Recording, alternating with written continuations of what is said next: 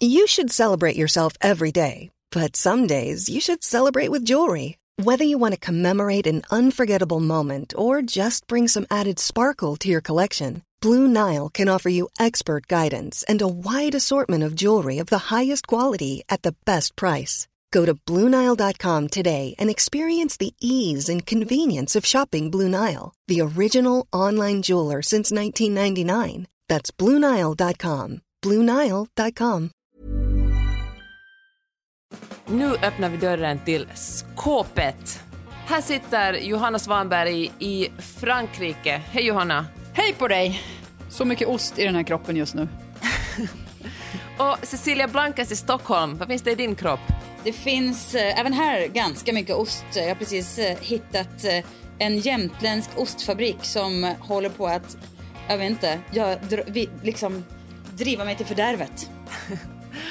Och själv heter jag Peppe Öhman och jag är också full av ost, men cheddarost, för det är den enda osten som finns i USA. Men alltså jag har ätit så mycket ost nu att vet, när man har på sig jeans, jag har ganska höga eh, och det, jag känner liksom hur osten har börjat äta sig över kanten. Det är rätt, låt osten ta över.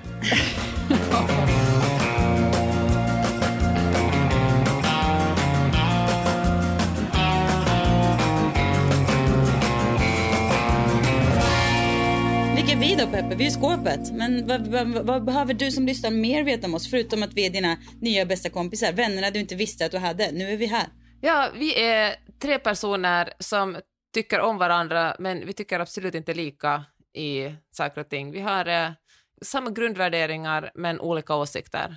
Och det är väl ändå en ganska bra början på en intressant diskussion. Mycket bra. Där har du oss. Verkligen. Jag vill börja bara lite, bara, alltså jag tycker så otroligt mycket om, alltså frusna ögonblick. Det hissnar mig att tänka på att hela livet är en stor stapel av liksom ögonblick som aldrig kommer åt där på något sätt. Vi har eh, tavlor på väggen hemma som jag hittade i Pers eh, mormors fotoalbum från en här fest på 50-talet. En jävla röjarfest verkar det vara. Och det är liksom bilder tagna, det är cigg och det är bärs och de har klätt ut sig och så. Sitter på väggarna och jag älskar dem så mycket för att det är så fångade ögonblick. Och mot den bakgrunden fastnade jag ju såklart i en podcast, eller ett, en dokumentär som heter Sista dansen på Fårö. Den finns på P- eh, S- Sveriges Radio. Vi brukar ju komma med lite tips i den här podden. Nu kommit kanske lite tidigt här, men det är för att jag vill prata lite mer om det bara.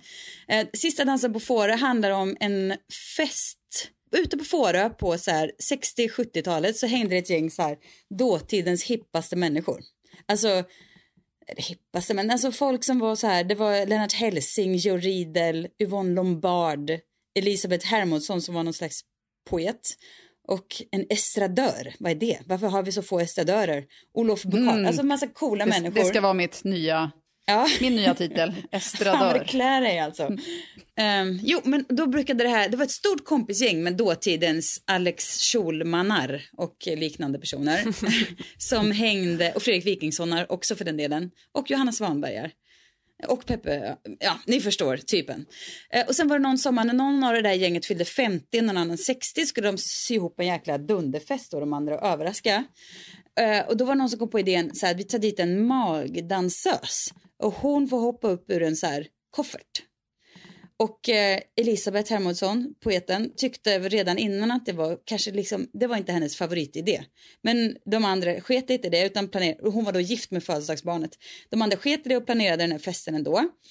Och sen efter alla de här åren de har festat det tillsammans och haft kul ihop, så på den här födelsedagsfesten så spårar det ur något så kopiöst. För när magdansösen ska kliva ur sin låda, då bara flippar eh, frun till födelsedagsbarnet och bara är så här jag har sagt jag vill inte ha en jävla magdansös. Nu får det fan räcka det jävla as.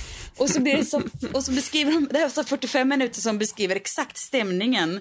Alltså när det flippar på det här viset. När hon liksom bara får nog och eh, exakt vad som händer då. Och sen så typ hörs de aldrig mer. Efter alla de här åren som de har umgåtts så bara är det så här, det är över. Och det man tänker då är ju så här, Elisabeth hade, hon hade väl PMS helt enkelt. Känner man inte själv att man skulle... Allt det här bara, bara sprack på grund av... Kan det vara någon klimakterie, men någon, någon form av hormonpåslag säkert. Och då känner man ju så här... eh, var sjukt. Men också så här, nej, för att de där liksom, alltså PMS ifrån-riten som man ändå liksom drabbas av, hamnar i, när man låter dem få bestämma, fan vad mycket som händer. Och det var säkert, för sen var det många som resonerade kring den här festen i efterhand och var så här, ja men hon hade ju rätt, det var inte helt lämpligt att det skulle komma någon så här okänd kvinna och dansa för honom så här lite sensuellt och ja, sådär. Och vad jag vill komma fram till tror jag är tips, lyssna på den här jättespännande bara betraktelsen från en fest som ägde rum för liksom 40 år sedan och hur den påverkade alla de människorna. Och nummer två, PMS, vilket jävla röj det är alltså. Jag tycker att PMS får för lite respekt. Men vet vi att det är PMS det berodde på? Nej, men sannolikt. Om det är en kvinna som Ja. bara flippar inför liksom 40 pers bara... Alltså det gör ju inte så här.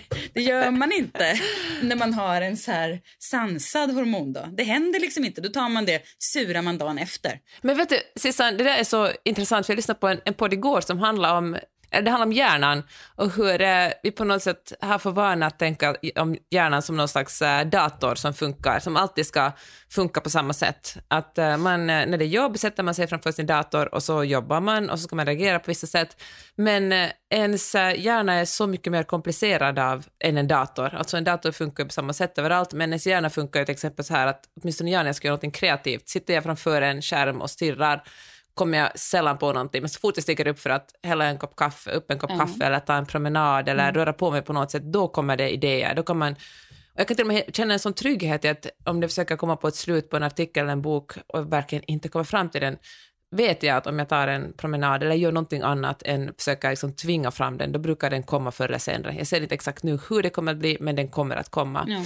Och eh, i, i den här podden, det var en Estra Klein-podd som finns på New York Times, talade de också om hur, eller de intervjuade någon slags hjärnexpert som pratade om hur vi egentligen borde lyssna mer på våra känslor. Att när man känner så här, känner den där vreden blossa upp igen, så Ja. är det kanske, det kan vara PMS, men det kan också vara att, att PMS bara ger en fart för känslor som har Exakt. byggt upp i en under en lång tid. De har liksom, känslorna har rätt. Jag lyssnade också på den podden idag. Och, men det som jag tänker är så konstigt, för vem tror att en hjärna är som en dator?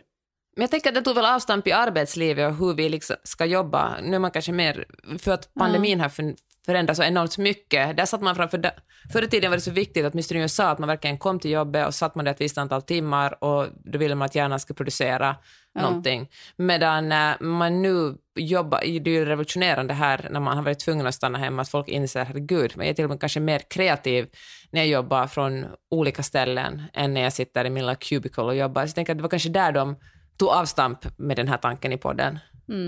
Ja, det kanske också för att alltså jag har ju alltid jobbat i kreativa yrken. Och så då, jag vet ju att min hjärna funkar ju bäst. Ju mer man släpper den fri, desto mer kommer det. Liksom. Det är också ett jättebra sätt att bara prokrastinera så här. Nej, jag är nog bara inte tillräckligt fri. Jag måste nog vara ledig mer för att det ska bli något. Jag tror jag måste ta en dag och bara vara helt totalt fri för att det ska hända något. Ja. Så kan man hålla på så där. Men jag, jag har ju försökt lansera PMS som power mode syndrome med blandad respons. Men jag hävdar Från oss, eller från vilka? Nej, bara folk jag pratat med när jag har liksom t- bara provat tanken på. Men jag tycker att PMS, det får så mycket skit och det är så mycket så här, åh gud, nu var det så där konstigt igen. Kanske inte alls. Det kanske är det som är vårt bästa, vassaste, skarpaste läge. Visst, man mår lite så här dåligt, men dåligt mår man kanske egentligen mest bara när man försöker hålla tillbaka den där jävla kraften som vill säga ifrån, som vill liksom stampa med foten och säga att det här behöver förändras. Kanske skulle vi inte må så dåligt om vi bara lät vara lite mer Elisabeths på eh, Fårö-fest och bara "Rrrr, det har jag sagt att jag vill inte ha! Någon magdans Mm. Jag skulle önska att det var mer av helig vrede som man kände i PMS. Jag tycker det är väldigt sällan som jag nås just av, av den, utan det är mer den här, "Åh, varför håller jag på? Varför är det, du vet, att man är, Det är att mer en Eeyore, depression liksom. snarare. Ja. Det är ju en riktigt tråkig sorts PMS, men, och jag har det oftast inte alls. Men det kanske är för att du inte har vässat din PMS tillräckligt. Den kanske ligger som en så här, som en så kuvad krigare där inne och bara är så här, Det är väl ingen idé ens jag försöker bli arg, jag nöjer mig med depression. Låt den vässa det nästa gång och bara spill ut den på någon jävel som förtjänar det lite grann. Se vad Alltså jag har händer. upplevt ilska några gånger, men som sagt, jag, har- oftast har jag inte PMS alls, eller som Nej. jag märker. Eh, kanske två gånger har jag varit arg och tre gånger deprimerad under detta långa, långa liv. Men vet du, alltså jag blir ju alltid väldigt så konspiratorisk när vi talar om sådana saker och tänker att kvinnor också, sen vi var små flickor, är uppfostrade att vara kontrollerade och inte för mycket åt något håll, inte för arga. Det är liksom bättre att vara ledsen än att vara arg. Och det är mer okej för liksom, små pojkar att få utbrott än små tjejer. Jag tänker, det är väl redan när man är superliten bebis, som man håller upp en, en liksom pojkbebis, eller någon som man säger att det är en pojkbebis och den skriker, är folk sådär, åh gud vad arg, vilket temperament. Men när det är en liten flickbebis så är folk så att, åh nej, är hon ledsen. Och eh, jag tänker att en viss del tror jag att det är socialiserat att kvinnor ska trycka tillbaka sin ilska. För annars blir de, men, alltså förr i tiden kallade hysterikor och sätts in på sjukhus och får ligga i badkar tills de löses upp fullständigt eller blir lobotomerade. Jag tänker att det är en, en feministisk handling att vara riktigt jävla alltså rasande och skrika och härja och ha sig. Ja, och framförallt inte känna skam för det. Nej, verkligen. Så behöver man inte vara skrika och vara rasande heller, men att man åtminstone liksom, om det, man tycker att det är någon jävla person på Coop som, som beter sig, liksom, då kan man gott bara säga ifrån, det är inte så farligt. Varje gång jag lyckas liksom, Kanalisera vreden. ja precis, exakt, varje gång jag gör det, det händer ju inte så ofta för det är ganska svårt för man blir ofta tagen på sängen som, som jag till exempel blev utskälld skälld av en farbror för att jag hade lånat med mig en kundkorg från Coop hem. Vi bor alltså 200 meter från Coop. Och istället för att liksom bara, så låna, frågade jag i butiken så här, okej om jag bara drar hem där så eh, kommer jag tillbaka med korgen sen. Och de var så här, såklart. Nej men då kom det någon farbror sättande och bara så här, var, fick spelet på mig för att jag var en, en korgtjuv. då. Nej, men, och då hade jag ändå mitt eh, sans och liksom bara brotta ner honom i någon slags argumentation om den här löjliga korgen. Och det känns ju så otroligt bra när man inte bara är så här, om man inte bara är så här, alltså den här snörpet, det, det, det är ju att stänga in arget. Eller att bara liksom vara trevlig och be om ursäkt, är ju ännu värre. Ja, men hade man inte kunnat garva åt det? Alltså för att jag tänker att han måste uppfatta dig som en ligist, vilket är ganska roligt. För där Ja. kommer du, medelålders trebarnsmor, och rullar en vagn.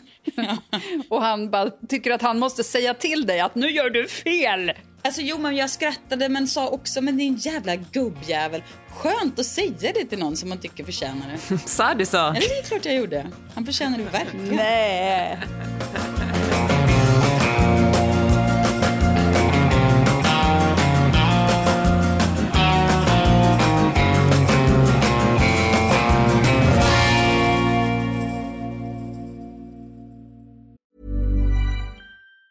Hi, I'm Daniel, founder of Pretty Litter. Did you know cats tend to hide symptoms of sickness and pain? I learned this the hard way after losing my cat, Gingy. So I created Pretty Litter, a health monitoring litter that helps detect early signs of illness by changing colors, saving you money and potentially your cat's life. Pretty Litter is veterinarian developed, and it's the easiest way to keep tabs on your fur baby's health right at home. Go to prettylitter.com and use code ACAST for 20% off your first order and a free cat toy. Terms and conditions apply. See site for details. Hey, it's Ryan Reynolds, and I'm here with Keith, co star of my upcoming film, If, only in theaters, May 17th. Do you want to tell people the big news?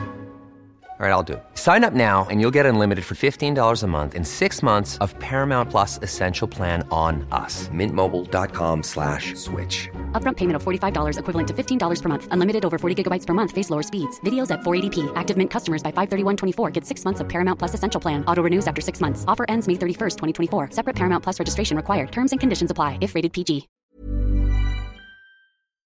Peppe, det är nytt år och i ditt eh, nätverk Friday Lab så vet jag att ni håller på med en massa spännande så upptaktsgrejer, nystartsgrejer. Och då tänker jag, kan inte du vara generös nog och dela med dig lite av vad ni snackar om där och vad det går ut på nu när vi alla står inför ett nytt år och kanske har lite nystartskänsla som pirrar i kroppen. Ja, men så gärna. Vi hade nämligen en, ett så, en så otroligt bra workshop eh, för någon vecka sedan. I, eh, vi brukar, det är en tradition, varje söndag, första söndagen på året träffas vi online eftersom vi sitter över hela världen och eh, pratar om eh, ja, men vad var det som var, vad var bra året som gick, vad, och vad var verkligen dåligt. Vad vill jag ta med mig, vad vill jag skita i? Typ, jag vill inte längre jobba på kvällarna, eller jag vill uh, kolla mer på TikTok.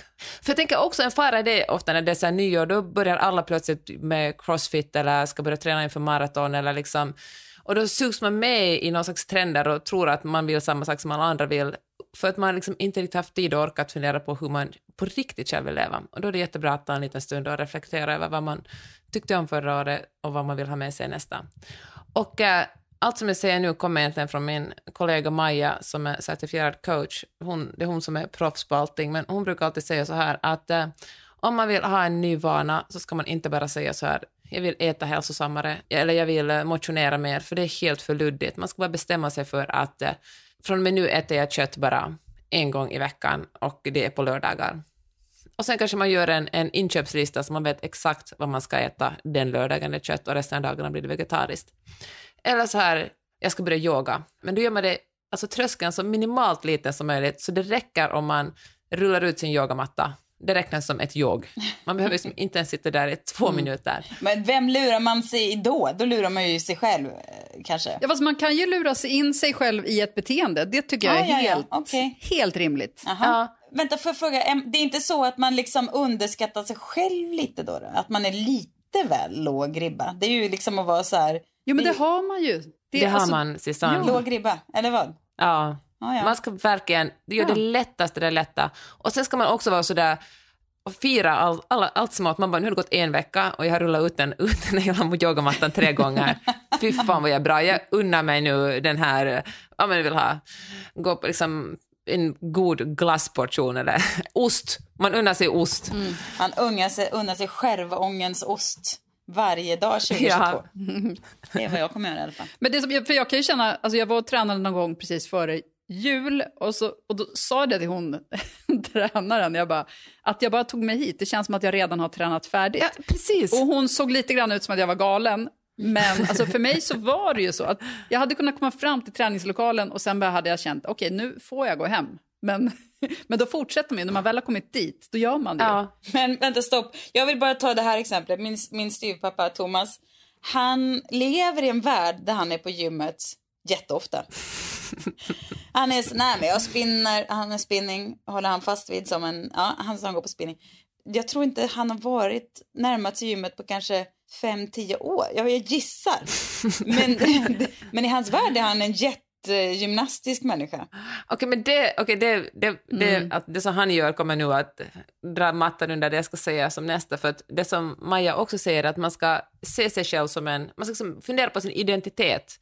Man säger att jag är en person som tar en promenad före frukost varje morgon. Och då kan man säga det åt folk och liksom se sig själv som en sån person. Då är chansen mycket större att man verkligen gör det än om man, okej okay, minus Thomas då, men än om man är en person som är sådär, jag går omkring och intalar sig själv att man är en person som älskar att sova länge på morgnarna. Är det så? För jag tänkte just säga, är inte det bästa i alla fall om man bara håller inne med allting, alltså att man bara håller på själv? För det tråkiga som finns ju annars, alltså om till exempel Thomas går runt och pratar om att han tränar mycket fast Sissan vet att han inte gör det, då är det väldigt tråkigt att lyssna på Thomas prata ja, om hur mycket han just... tränar. Eller jag minns att när man gick i högstadiet och folk bara åh jag ska banta, nu ska jag inte äta godis och sen på lunchen direkt så går de och köper en dubbeldime. Alltså man blir så här, men jag orkar inte höra, så gör vad du vill men eh, jag vill inte, jag vill inte höra det tråkiga. men jag tror det, alltså tvärtom om man säger det att folk är väl chansen mycket större att man verkligen håller det för man vill liksom inte orsaka en där misslyckande. Okej jag tar ett exempel, jag, jag är en advocate av att gå i skogen och det gör jag ofta med hundarna. Ibland blir det en gång i veckan, ibland tre gånger i veckan. Det beror på hur mycket tid som finns och så och vilken årstid det är. För att man vill inte gå i skogen i mörkret. Men att jag har eh, sagt det ganska mycket utåt, att hur mycket jag älskar att göra det. Då blir det ju att jag, även om jag är lite såhär, när jag tar bara en snabb promenad, bara, nej det blir det inte, utan det blir en skogspromenad, för jag är ju en person ja. som går i skogen. Jag trodde att du gick i skogen varje dag. Eftersom du pratar så mycket om hur mycket du är i skogen. Ja, ah, då har jag lyckats. Nej, men så det att, hinner jag att, att nu få höra att du bara gör det kanske ibland en gång i veckan, det är jag mig lite omskakad. Ja, nej, men, inte omskakad, nej, för jag bryr mig inte. Jag vill inte höra något. nej, okej. Okay. Men det är ändå bra. Då har jag ju lyckats med min, eh, Men min självbild då i alla fall. Nej men, jag, alltså, nej, men det är ju inte varje dag man hinner för livet och man ska ju ofta iväg på morgonen. Då hinner inte jag med så här knalla runt i skogen sex på morgonen i mörkret. Det gör jag inte. Men det blir ju kanske varje Mm. dag på våren. Men nu eh, lite mindre. Men skit i det. Jag menar det att Mm. jag är med på din teori. Din teori stämmer i det här fallet Peppe. Men jag tänker så här också, vår kompis Marie som har eh, ett jättebra Instagramkonto, det stilkontot, hon, eh, hon sa att hon skulle låta bilen stå i 100 dagar. Visst var det så? Och då är det väl jättebra att säga det högt, för att om det visar sig att hon på och varannan dag sitter i en bil, då kanske jag menar, man håller någon ansvarig, både sig själv och kanske någon, eller man ber att någon annan håller en ansvarig. Då kanske någon är så där i juni att eh, någon nitisk jävel sitter och räknar alla dagar som hon har suttit i en bil. Grannen bara, Och så "Hallå där." Ja, du har bara fem körturer kvar tills eh, 2020, nästa år. Nej, jag tänker det, det är bra att, att man... eh, Jag, jag, tycker, jag, jag är ett team eh, säger saker som man vill att ska hända högt. Ja. Men jag kanske också för att jag lever, alltså Fredrik då som jag är gift med, han är ju helt eh, sjuk i saken. När han bestämmer sig för någonting så, kör, så gör ju han ju det. Eh, han började träna för några år sedan, nu måste jag tänka hur många, och då bestämde han sig för att han skulle träna om det var hundra gånger på ett år, tror jag. Eller något sånt där. Och sen året efter så hade han gjort fler än så. Eh, och då så är det inte tillbaka till hundra, utan då måste det vara fler än det antalet. Och nu, alltså nu är han uppe i du vet, att det är typ varannan dag. Och då blir du lite motsatsperson liksom. Ja, men jag blir ju det. Mm, För att vi kan inte vara två som ska hela tiden gå och träna på Usch, Och det handlar också om olika krav på vad, som, på vad som krävs för att, att det ska vara räknas som träning. Till exempel, vi spelade paddel två timmar om dagen. Jag är mycket, mycket sämre än vad han är. Det räknar inte han som träning. Det är inte tillräckligt jobbigt. Och det är ändå två timmar. För mig är det så här, wow. Så när, du, så när han frågar dig, eh, Johanna, har du tränat idag? Och du säger, och du så här, för ditt inre ser hur du rullar ut din yogamatta och sen går därifrån. Ja, men jag, säger jag, känner osten, jag känner osten hänga över jeansen. Det är vad jag känner när han frågar om jag har tränat. Medan han har varit, alltså han har ju såklart ett gymkort här och allting. Jag sitter stilla, går kanske en, en vacker promenad. Ja, men det är väl mer sympatiskt ändå än att träna. Okej, men så Peppe, ni, vi har saker att ta med sig in för att det är liksom, man realistiska, man konkretiserar sina Formulerar vanor. dem. Ja, som man vill justera, sina justeringar. Så specifikt som möjligt. Ja, Sen sätter man verkligen en jättelåg ribba. Man, bara, man, man gör minimum räknas. Två timmar av padel räknas absolut som träning, Johanna. Och att rulla ut sin yogamatta räknas också. Och sen ska man aldrig göra en vana som är, jag ska sluta med någonting. Alltså hjärnan fattar inte det, utan man ska alltid lägga till någonting. Alltså, Jag ska inte sluta röka, jag jag ska, ska- dubbelröka. Och vi tog samma exempel. Jag ska andas mer ren luft kanske. Ja, Jag ska röka precis. dubbelt så mycket. Bra strategi. Ja, men hur ska man inte kunna sluta med någonting? Alltså om man ska, behöver sluta med någonting. Ja, men det händer liksom i fa- bara farten om man, om man bestämmer sig för att göra någonting. Istället för att säga att jag ska inte äta kött varje dag, så ska man säga jag ska äta vegetariskt varje dag. Ja, fattar. Mm. Jag ska bli icke-rökare. Ja, kanske. Mm. Okej, jag håller med. Men jag känner Mm. också, samtidigt kan jag känna att vi är ju väldigt bra på att så här, eh, vara så försiktiga med våra krav på oss själva på ett sätt. Alltså ibland, vi kan ställa Mm. jättehöga krav på oss själva på jättelöjliga saker. Som att så åh, jag måste prestera så här och så här mycket som ingen bryr sig om egentligen. Men sen kan vi väl ganska så här, alltså ibland behöver man ju också vara lite så här, eh, alltså ställ, våga ställa lite krav på sig själv kan jag tycka. Alltså man måste verkligen vara så nej, nu, alltså, nej, så här. Ställa krav på sig själv, det förstår jag, det kan bli kontraproduktivt att det blir bara negativt och jobbigt så. Men jag menar att ribban behöver ju inte vara så otroligt så här. Och nu pratar jag om, för jag hade tänkt prata lite om att man behöver växla upp sitt, sina hållbarhetsvanor. Och där kan jag tycka att vi ofta är väldigt, väldigt försiktiga. Vi liksom står och applåderar bara vi liksom börjar också inte bara sopsortera kartong utan även plast. Bara, Åh, perfekt, vad duktig jag varit. Jag tänker att det är inte jättesvårt att liksom skärpa sig lite till. Man behöver inte alltid lägga ribban på sig extremt mininivå för att varför när man kan mer på något sätt. Är det med att man lägger ribban där man är nu liksom? Man är sådär, typ, jag är väl ändå ganska bra eftersom jag inte Nej, har precis, så satt mig på ett det. flygplan på... Nej. Ja, jag hörde. Mm. Det svider liksom ingenstans, man gör ingen uppoffring för att man är en, för att uppoffringen är så liten, ansträngningen är så liten. Ja. Ja. Jag tänker man kan ja, pusha sig lite kanske. Nej, men hur, hur menar du då? Alltså, hur, var, var, alltså, för det är inte också indiv- individuellt var ribban ligger? Alltså, det alltså, jag håller med dig, för att man är ju... Jag tror att vi är liksom lata personer, för att det handlar om alltså, att man måste lägga om ett, ett beteende som man har haft hela sitt liv, för Ja. de flesta av oss. Och jag menar, ju äldre man är, desto svårare har man, för att om man är, säg Jo, men, om, 40-talist, okej, men om man tänker... då höll man ju inte på med sånt där alls. Nej, men okej, men om vi, om vi tänker kring hållbarhet så är det ju inte ens för ens, det är ju inte för ens egen skull, utan vi har ju inte några alternativ.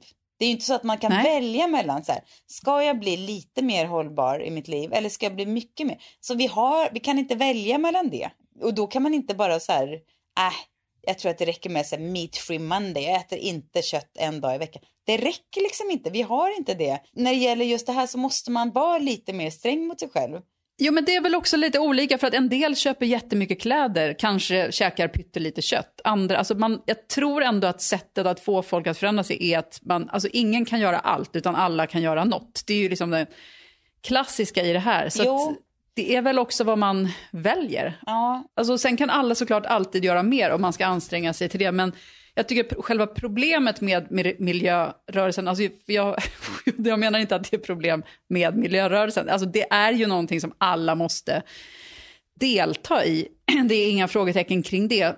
Men däremot det här, alltså, för det jag tycker är jobbigast är den ständiga skulden som man går runt med och hur man bäst, alltså så det blir på ett, ja, men på ett kreativt sätt, alltså ett konstruktivt sätt Ja. snarare än att skam, skamma folk till, Åh! jag är ledsen, nu är det någonting med mina hundar här. Nej, men, men det, är väl i princip, det är väl lite det jag menar, att man kan ju komma undan liksom, skuldkänslor genom att ställa lite högre krav på sig själv. Alltså, man är kanske Ja, skitsugen men på... alltså, jag vet inte, är ni någonsin utan skuldkänslor kring just Nej. klimatpåverkan? Nej. För det är inte jag. Nej. Jag tycker att man lever liksom ett liv ständigt och sen Jo. så gör man ju så gott man kan kring Bara det. genom liksom. att liksom leva och existera i en västerländskt samhälle så är man ju by default Ja. Ja. ett, ett riktigt jävla vad? problem. som stör mig någonting fruktansvärt, det är när man, jag fattar att jag verkligen inte är perfekt, men jag försöker, om jag shoppar någonting, gör det liksom second hand, jag försöker att äta vegetariskt så mycket som möjligt. Jag fattar att jag flyger för mycket för att vi bor där vi bor. Men eh, det känns som att eh, om jag, och jag äter vegetariskt, jag har liksom ätit vegetariskt i snart 20 år, men ibland får jag lust att äta en lobster roll. Det har hänt. Ibland äter jag ostron också. Händer inte ofta, kanske en gång i månaden, kanske mer sällan, men det händer. Och då är det som om jag har liksom, som allt annat jag har kämpat med inte räknas. Då är alltså folk sådär, alltså min man, han bara "Åh, jaha, nu äter du kött?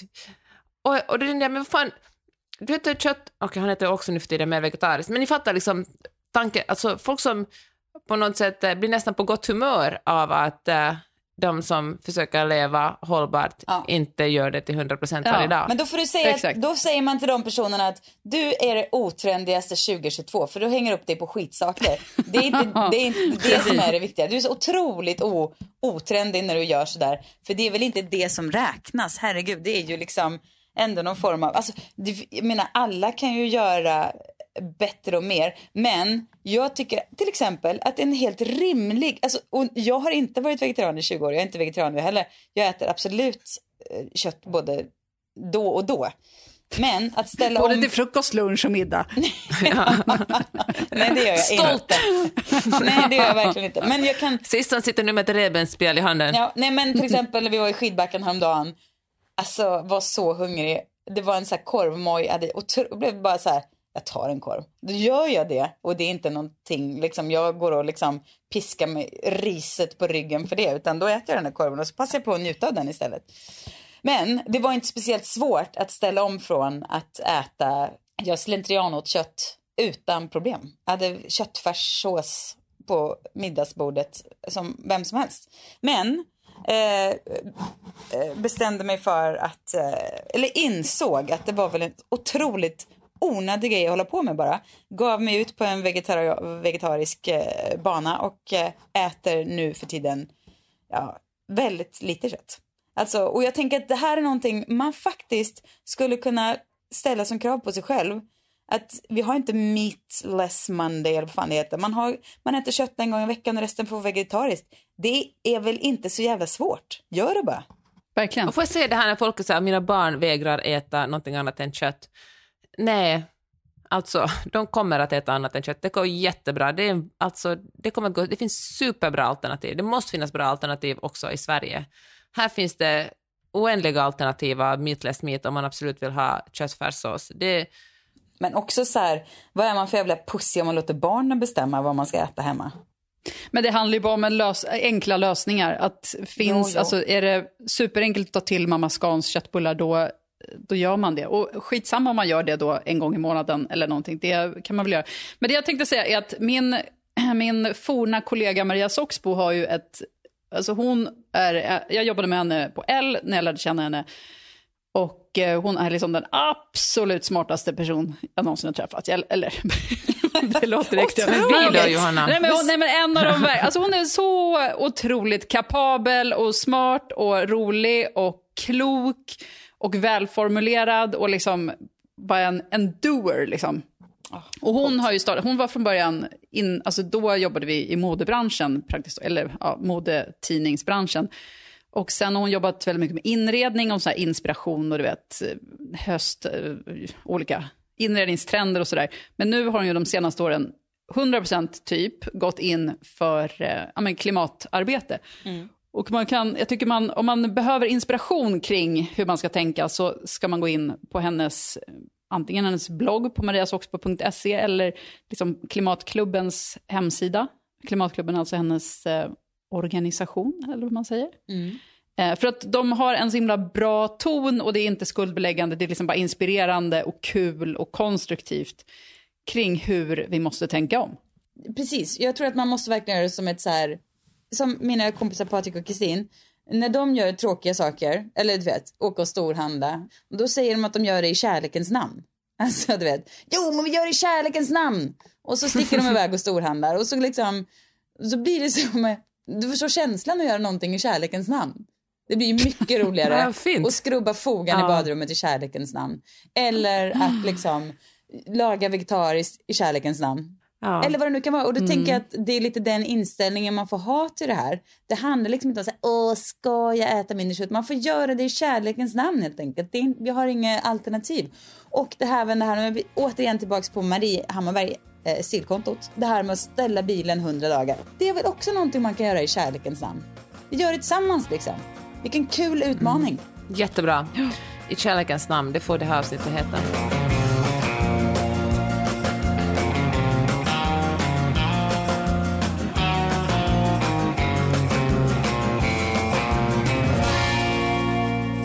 Ja, alltså jag tänkte tipsa om någonting som jag har tipsat om tidigare tror jag. För det är en bok som heter Crossroads, som är skriven av Jonathan Franzen. Eh, och jag tror jag hade börjat läsa den när jag tipsade om den senast. Så nu är näst, nu är jag typ klar och den är otrolig. Det, och det, det är så sällan som jag läser böcker av manliga författare som jag tycker är otroliga. För jag tycker oftast, ja förlåt, får man ens säga detta? Men eh, jag tycker oftast att kvinnor skriver bättre böcker. Eller skriver på ett sätt som jag... Jo, jag tycker inte att det är, en- jag tycker inte att det är okej egentligen. Jag tycker inte det är en okej åsikt. Men jag måste ju, om jag ser över vilka böcker jag tycker är bäst så har det varit kvinnor oftast. Så därför är det kul för mig att det här är Jonathan Franzen som har skrivit den. Varför är den så bra då? Vad handlar den Det, om? det, är, alltså det handlar om en familj, praktiskt taget. Alltså den följer alla personerna i den här familjen och, eh, men, och ser på livet ur deras, från deras håll. Och den är bara väldigt, och det, den utspelar sig praktiskt taget under bara några dagar. Och eh, den är bara så himla tät och men det, man, när man känner att det här är en riktig författare, det är en konstnär som har Åh, skrivit det här. Det älskar jag. Ja, när man liksom beundrar själva att ha lyckats med något. Alltså det, och det, jag håller ju själv på med en bok och den är inte i... Alltså, den kommer aldrig... Det, menar, det är en helt annan genre. Det, det är inte en bok, det är en historia som jag håller på med. Och så jag, därför har jag liksom haft svårt att börja läsa den här, för man vet att det här är någonting helt annat. Men eh, när man väl har börjat så är det otroligt. Får jag också komma med ett boktips? För att nu är jag inspirerad av dig, Johanna. Hemskt jag fick gärna. ett eh, recensionsexemplar Eh, från Weiler förlag. Och eh, den hette, en bok som heter, en kortroman som heter Detaljerna, Ia Genberg heter författaren, som handlar om en eh, person i jag-form som berättar om eh, när hon var ung, på, jag bara kom igenom halva, men den är jättebra uh, hittills. Hon, det började av 90-talet och hon berättar om sina vänskapsrelationer och hur det var att leva på 90 och kanske ens kommer fram till tidigt 2000-tal. Superbra, Det- precis det som, den verkar vara en helt annorlunda sorts bok än, än Crossroads, men den är, alltså varje mening är väldigt väl komponerad. Alla ord har sin exakta plats där. Verkligen. Jag älskar, älskar när folk tipsar mig eller jag får liksom recensionsexemplar, tips om böcker som jag kanske aldrig själv hade snubblat över, men eh, och så visar det sig att de är jättebra. Detaljerna heter den här. Kul, ska kolla in. Ja, nu blir jag sugen på att läsa båda de här böckerna. Eh, Jag eh, kommer tipsa, jag har redan tipsat om det här på Instagram, men jag förstår att inte alla har eh, läst det. Men eh, jag har sett serien Hacks under jullovet.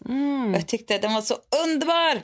Åh, vad jag älskade den. Ja, den är så bra. Ja, Mm, den är så bra. ljuvlig och det är så härligt när bara en, den här kvinnliga huvudpersonen som väl är 70 någonstans, och det är också så jävla goals på bara, hon har en ganska vidrig personlighet, men ändå inte på något sätt. Alltså man känner ju att det är så här, Man fattar ju henne ändå. Ja, alltså med säsongen när man har sett, ju mer man ser desto mer förstår man ju. Det är ju, ja.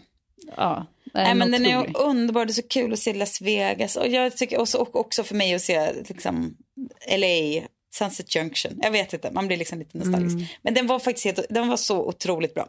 Och sen vill jag också tipsa om, glöm inte att eh, belöna er själva. Alltså det här nu om vi ska sammanfatta det här som det här lite ny uppstarts eh, känslan kring den här dagens eh, podd.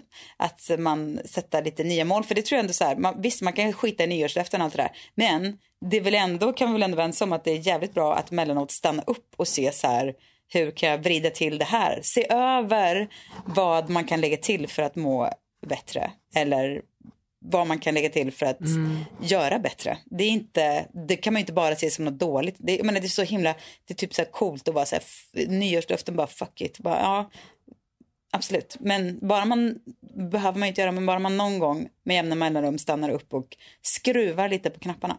Men man måste också komma ihåg att belöna sig för det. När man har varit duktig. Ni två som har, Peppe, du har lämnat in ditt manus på din bok. Ja, herregud vad Jag har ätit massor av ost. Ett, ja, jätteduktig. Hur ska du belöna dig själv med det? Mera ost, Peppe. Hur ska, vad ska du belöna dig själv med? Ja, men vet du vad, jag tänkte jag ska köpa ett par Blankens-skor. Oj, oj, oj. Det Alltså, går inte att belöna sig på nyköpa. bättre sätt. Ja, men men jag menar det, det ska jag verkligen göra. Ja, bra plan. Jag har också faktiskt, jag har haft ett sånt eh, mål med mitt företag Blankens då, som eh, äntligen har uppnåtts efter att jag har alltså stånkat och dragit och svettats och slitit och ojat och vojat och ah, st- ja, stångat är fan det bästa ordet för så känns det i, sen 2014 har jag, och jag har sett det här liksom målet framför mig och nu är, det, är jag där. Och eh, det tänker jag fira med att köpa en stentrappa till min sommarstuga. Jag tror du skulle säga att du skulle köpa min bok. Ja, det hade varit rätt. Ja, men den, den kommer jag köpa oavsett Peppe.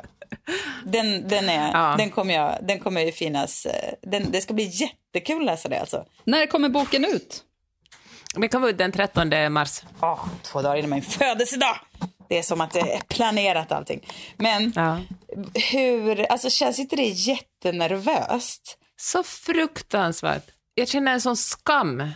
Alltså att, att verkligen att folk som är... Nej men vet du, det är för att, det, och jag säger inte för att kokettera, jag känner verkligen en sån enorm skam. För det första att ta upp folks tid, ska någon verkligen tillbringa jättemånga timmar genom att läsa? Behövs den här historien verkligen? Vem, varför?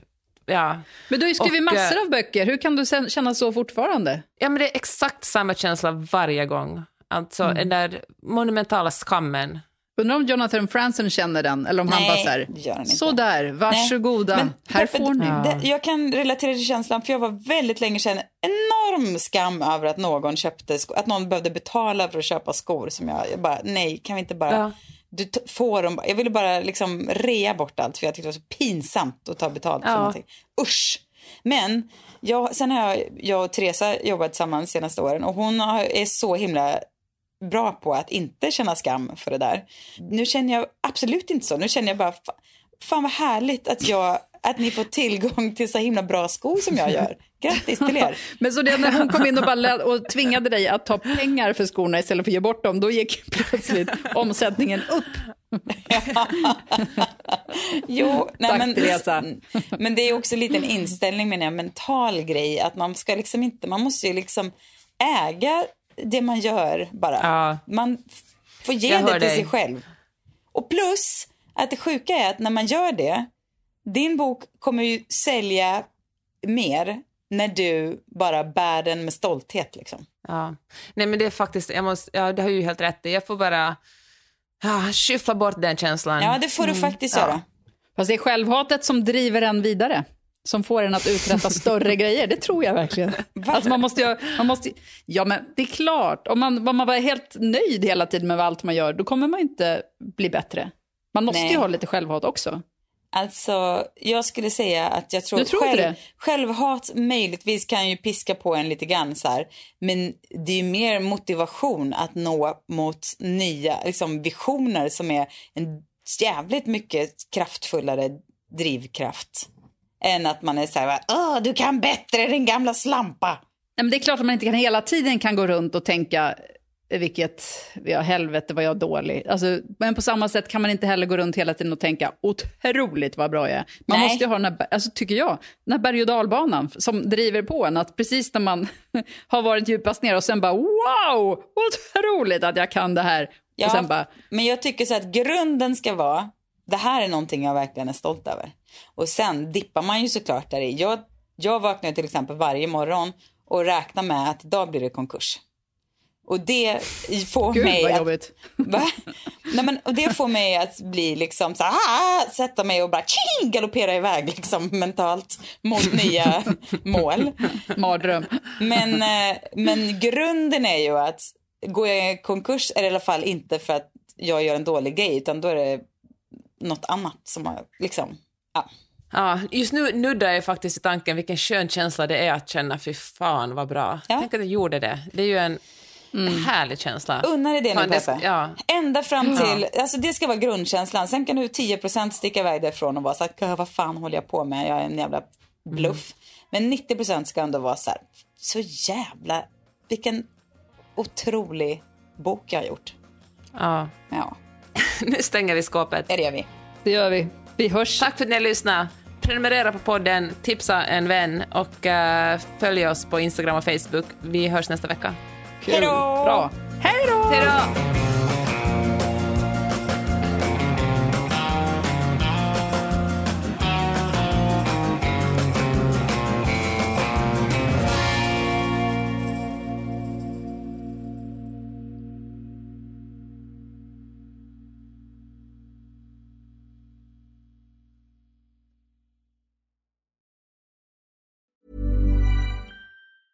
Mom deserves the best, and there's no better place to shop for Mother's Day than Whole Foods Market. They're your destination for unbeatable savings, from premium gifts to show-stopping flowers and irresistible desserts. Start by saving 33% with Prime on all body care and candles. Then get a 15-stem bunch of tulips for just $9.99 each with Prime. Round out Mom's menu with festive rosé, irresistible berry chantilly cake, and more special treats. Come celebrate Mother's Day at Whole Foods Market.